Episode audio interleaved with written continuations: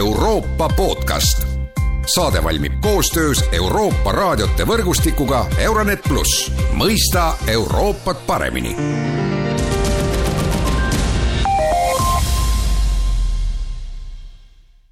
tere kuulama selle aasta esimest Euroopa podcasti. üleeile, kolmekümne esimesel jaanuaril möödus kolm aastat sellest, kui Ühendkuningriik lahkus Euroopa Liidust ja sai teoks Brexit. Nüüd on aeg teha kokkuvõtteid, mis on Ühendkuningriigis vahepeal aset leidnud ja neid kokkuvõtteid aitab Euroopa podcastis teha Postimehe ajakirjanik Rahel Kaare-Juudas, tere päevast! tere päevast! mina olen Erkki Pahovski ja no alustame nendest peapõhjustest, et üleeile Postimehe välisuudistoimetus kirjutas päris ülevaatliku loo sellest, kuidas inimesed suhtuvad praegu Ühendkuningriigis Euroopa Liitu, mäletatavasti kahe tuhande kuueteistkümnendal aastal inimesed hääletasid Ühendkuningriigis Euroopa Liidu lahkumise poolt, aga praegu paistab nii, et et enamik britte sooviks Ühendkuningriiki näha tagasi Euroopa Liidus, vähemalt arvamusküsitluste järgi. Rahel, mis sa arvad, miks see, see peapõhjus sellise meelemuutuse jaoks on? No minu arvates on see peapõhjus siiski pettumus, sest kuus aastat tagasi müüdi brittidele visioon, mis tänaseks ei ole ligilähedaseltki täidetud no visioon, üks visioon oli see, eks ole, et võtame tagasi oma riigi ja mhm. elu läheb paremaks, no kuidas sulle tundub, et kas siis elu on läinud paremaks? no põhi eh, valimiskampaania keskendus sellele, et riiklik tervishoiusüsteem hakkab saama sadu miljardeid eh, lisa, lisanaelu aastas, mis peaksid hulgaliselt parandama seda kvaliteeti, aga tänaseks on olukord selline, et eh, riiklik tervishoiusüsteem on sõna otseses mõttes kokku kukkumas. põhjusteks on siis nii tööjõupuudus kui ka pikad kiirabijärjekorrad ja üleüldine süsteemi murenemine no tõepoolest, ehm, selle eurovastaste kampaania üheks selliseks sümboliks saigi see buss mm, -hmm. mis siis rääkis sellest, kui palju äh, siis Euroopa Liit võtab rahvuslikult Tervisekassalt ära raha, aga kui tervisest edasi rääkida, siis ju tegelikult pandeemia tabas Ühendkuningriiki päris valusalt ja, ja noh, loomulikult tabas ta ka teisi Euroopa riike, mis kuuluvad Euroopa Liitu, kaasa arvatud Eestit,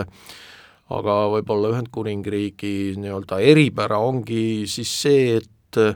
et Ühendkuningriigile ei laienenud selline Euroopa Liidu abi, eks ole, noh, me teame seda, et Euroopa Liit ju ehkki alguses ei saanud seda asja käima, siis pärast tulid ju igasugused abirahad,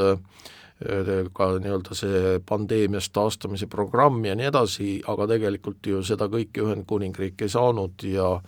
ja, ja seal ikkagi see pandeemia möllas täiega just, aga kohalikele siiski riigipoolne abi oli päris suur, millest ongi tekkinud hiiglaslik eelarveauk ja kuna nad olid ka sellest üleüldisest Euroopa Liidu äh, rahapütist eemal, siis selle lappimisega läheb ka kogu energia hetkel.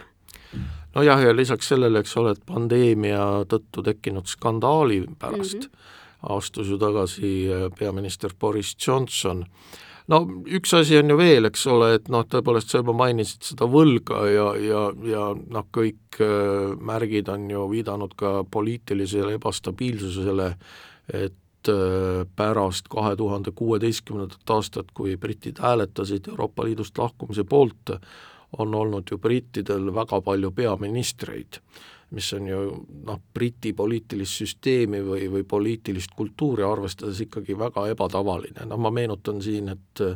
jälle seesama võrdlus, eks ole, aga Margaret Thatcher oli Briti peaminister aastail tuhat üheksasada seitsekümmend üheksa kuni tuhat üheksasada üheksakümmend ehk kokku üksteist aastat. praegu seitsme aasta jooksul on olnud brittidel kui palju peaministreid, neli vist mm? -hmm. eelmisel aastal oli neid lausa kolm tükki. ja eelmisel aastal oli neid lausa kolm tükki ja Liz Truss jõudis ametis olla nelikümmend viis päeva ja sellest piisas, et täielik kaos luua. jaa, aga, aga mis see põhjus on, et kas see, kas see põhjus on Brexit, on ju, ma ei taha nagu päriselt nagu ühte auku ka mängida, on ju, ja, ja kõiges Brexitit süüdistada, või on põhjus juba selles, et, et see saab alguse Briti konservatiivide äh, parteist ja sealsest nagu poliitilisest kultuurist, mis äh, noh, toob väga jõuliselt välja need eriarvamused ja, ja ei tekita sellist nii-öelda keskpõrandale kokku süsteemi. Ma ütleks kindlasti, et Boris Johnson tõi peaministrina Briti poliitikasse kas valelikkus on õige sõna või vale, seda ma ei oska öelda, aga siiski ütleme, et kultuurituse ja Briti inimestel on, nad on kaotanud usu oma poliitikutesse, oma valitsusse, sellest kaasas sagedased peaministri vahetused ja tõesti ei ole õige minu arvates süüdistada kõiges Brexitit, Euroopat tõesti, kõiki meid tabas pandeemia, meil on, me oleme endiselt Ukraina sõjaga seotud, aga pigem on probleem selles, et kuidas ja kui kiiresti on britid suutnud sellest taastuda, ehk siis palju halvemini kui Saksamaa ja Prantsusmaa, kellega nad ennast siis ka pidevalt võrdlevad. No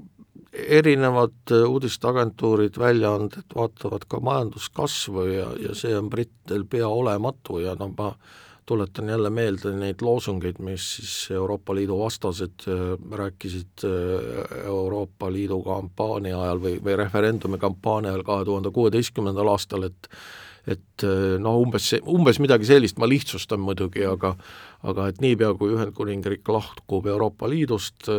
tabab Ühendkuningriiki majanduslik õitseng ka nii-öelda see globaalne Britannia, mida siis Johnsoni valitsus tegi, see pidi siis nagu seda Briti majanduskasvu veelgi parandama ja nii edasi, aga noh, tegelikkuses on see, et kui Euroopa Liidu riikidel ikkagi on majanduskasv, no küll nõrk, aga, aga pärast pandeemiat ikkagi on, siis Briti majanduskasv on ju pea olematu ja, ja, ja, ja sellest ei saa üle ega ümber. Just, ja nad üritasid ka müüa seda ideed, et äh, Suurbritannial hakkab tekkima mingisugune väga tihe partnerlus Põhja-Ameerikaga, mida tänaseks siiski ei ole tekkinud ja paistab, et ei hakkagi tekkima lähiaastatel no mis selle Põhja-Ameerikaga on, et tegelikult ju sellest äh, nii-öelda erisuhtest on ju räägitud väga kaua. Mm, -hmm. aga noh, muidugi Donald Trumpiga mingit erisuhet luua, see oli väga keeruline, noh, me teame kõik, et äh, Donald Trumpil oli võib-olla erisuhe Vladimir Putiniga äh, ja, ja, ja Kim Jong-uniga, aga vähem Inglismaaga, no tundub niimoodi, et, et ka Ameerika Ühendriikidel on ju parem selline partnerlus Euroopa Liiduga Just. kui eraldi Ühendkuningriigiga mm. -hmm. ma arvan, et see ongi hetke maailmapoliitikas suhteliselt aluseline, et tegemist on ikkagi suurvõimude kemplemisega, Ameerika Ühendriigid, Hiina e, ja Euroopa Liit, ehk siis Suurbritannia arvamine, et nemad liidust välja astudes saavad mingisugust erikohtlemist, ma arvan, et see oli küll võib-olla ilus idee, aga mitte reaalsus tänaseks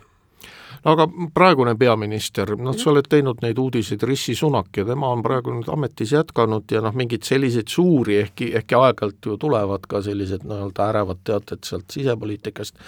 aga noh, selliseid suuri asju, mis tema peaministri tooli võiksid kõigutada, seni ei ole näha olnud, et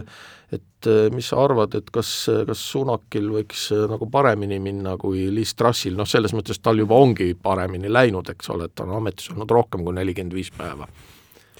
Eh, Rishi Sunak on kindlasti stabiilsem poliitik, aga taaskord ma arvan, et eh, kui ta ka komistab, siis tema komistuskiviks saab eh, tema enda valitsusliikmed, ehk siis tema enda ministrid, kes hetkel üks siis on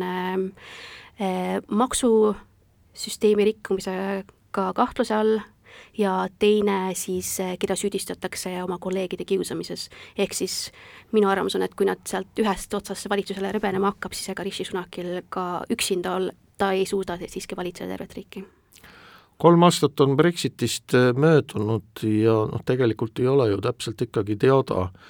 milliseks kujuneb see suhe Ühendkuningriigil Euroopa Liiduga, ma mõtlen siin just seda seaduslikku või legaalset suhet, et et äh, kas sa oled aru saanud, äh,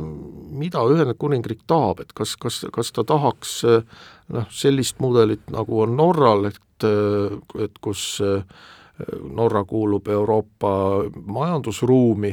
aga noh, muidugi probleemiks on kindlasti see, et äh, väga suur osa otsuseid ehk, ehk üheksakümmend protsenti tehakse Brüsselis ja Norra peab lihtsalt neid omaks võtma, mis ilmselt Ühendkuningriigil ei sobi,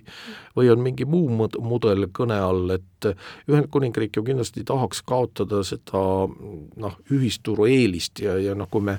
meenutame neid kõnelusi enne Brexiti referendumit, siis ju oli ju ka Ühendkuningriigi lootus ju selline, et et ühisturg võiks jääda, aga vot kõik muu, eks ole, immigratsioon ja, ja, ja vaba liikumine ja nii edasi, et selle üle võiks siis kontrolli saada London, aga aga see ühisturu küsimus on jätkuvalt üleval ju. just, ja kuigi vaadates hetke Briti poliitikat, siis ma arvan, et esimene samm, mida nad peaksid saavutama, on eh, ikkagi andmetele ja reaalsusele otsa vaatamine, et näha ja endale teadvustamine, kas see oli õige samm või mitte, sest hetkel ikkagi nad ikkagi eh, veel on seda meelt või vähemalt meedias räägivad, et nemad on eh, selle valikuga väga rahul, ehk siis konservatiivide partei, ehk eh, kui nad sellest sammust edasi ei liigu ja endale kui nad endale ei tunnista, mis on reaalsus, siis sealt edasiliikumine on väga raske või pakkuda, millist süsteemi nad tahaksid järgmiseks tulevikuks. no ülikeeruline leping on tegelikult äh, see, mis puudutab Põhja-Iirimaad mm. -hmm. Põhja-Iirimaa tegelikult ju no mingis osas on äh, ühisturu osa, aga samas äh, Ühendkuningriigil on ikkagi suveräänne õigus Põhjamaa, Põhja-Iirimaa üle ja jätkuvalt need läbirääkimised käivad, et tegemist on sellise ajutise laheng, lahendusega. sa oled märganud ka mingisugust progressi selle Põhja-Iirimaa küsimuse üle, no ma meenutan siin, et Põhja-Iirimaa ei ole lihtsalt niisama suvaline territoorium, vaid äh, see on plahvatusohtlik koht ja, ja koht, mis äh, on ju kahekümnendal sajandil tähendanud väga suurt terrorismi ja, ja, ja vägivalda, et äh, igasugune mingisugune muutus võib tähendada Põhja-Iirimaal alati mingisugust suurt äh, vägivaldset plahvatust. Just, et kui Põhja-Iirimaal räägitakse Euroopa Liidu piirist, siis me ikkagi peame tagasi minema Suure Reede rahulepingusse, kas seda rikutakse või mitte, ehk siis need äh, pikaaegsed lubadused, et Põhja-Iirimaa ja Iiri Vabariigi vahele ei tule füüsilist piiri, et kas sellest peetakse kinni või mitte, see ongi see poliitiline lõhestumine, mille pärast siis Põhja-Iirimaa oma kohalik valitsus ei olegi eelmisest kevadest suutnud võimulausust lahendada. Ja lisaks Põhja-Iirimaale on teine territoorium veel ja see on Šotimaa. -hmm. ja kui nüüd tuli referendum kahe tuhande kuueteistkümnendal aastal, siis Nikol, Nicolas Sturgeon, Šoti esimene minister, oli küllalt väge täis ja ütles, et, et Šotimaa teeb uue iseseisvusreferendumi, sest šotlased hääletasid valdavalt selle poolt, et Ühendkuningriik jääks Euroopa Liitu, Šotimaa on huvitatud jätkamast äh, ka ühe, ühisturus, see oligi üks peamisi põhjusi, äh, aga nüüd võib-olla see hoog on veidi raugenud, äh, mulle tundub niimoodi, et ma ei loe iga päev uudiseid sellest, kuidas Sturgeon kutsub üles Šotimaa iseseisvusreferendumile, et tundub, et Londonil kas on äh, õnnestunud Sturgeoni kuidagi rahustada või teine võimalus on see, et Sturgeon tunneb, et tal ei ole nii palju ikkagi poliitilist mandaati, et iseseisvusreferendumit välja kuulutada? Ma arvan küll, et siiski on tegemist äh, kohalike Šoti poliitikuga, kes on Nicolas Sturgeonit natukene maha rahustanud, et kuigi tema Šoti rahvuspartei loodi ja nende peamine eesmärk on Šoti iseseisvuse taastamine, siis ähm, Westminster on Londonis sellele täielikult vastu, ehm, ma arvan, et ehm, praegune valitsus Londonis kindlasti suurendab Šoti iseseisvuse püüdluse võimalusi, aga ütleme, et valitsusse tuleb leiboristide poliitikud ja nende poliitika kindlasti vähendab võimalust, et ehm, Šotimaa saab iseseisvaks. jaa, no see oli nüüd Brexiti jutt, mis puudutas Ühendkuningriiki, omaette teema muidugi see, et kuidas Brexit on mõjutanud Euroopa Liitu ja kuidas Brexit on mõjutanud Eestit, aga sellest siis võib-olla mõnes teises saates, aitäh, Rahel Kaare-Juudas, mina olin Erkki Pahovski ja kuulasite Euroopa podcasti, kõike head ja kuulmiseni!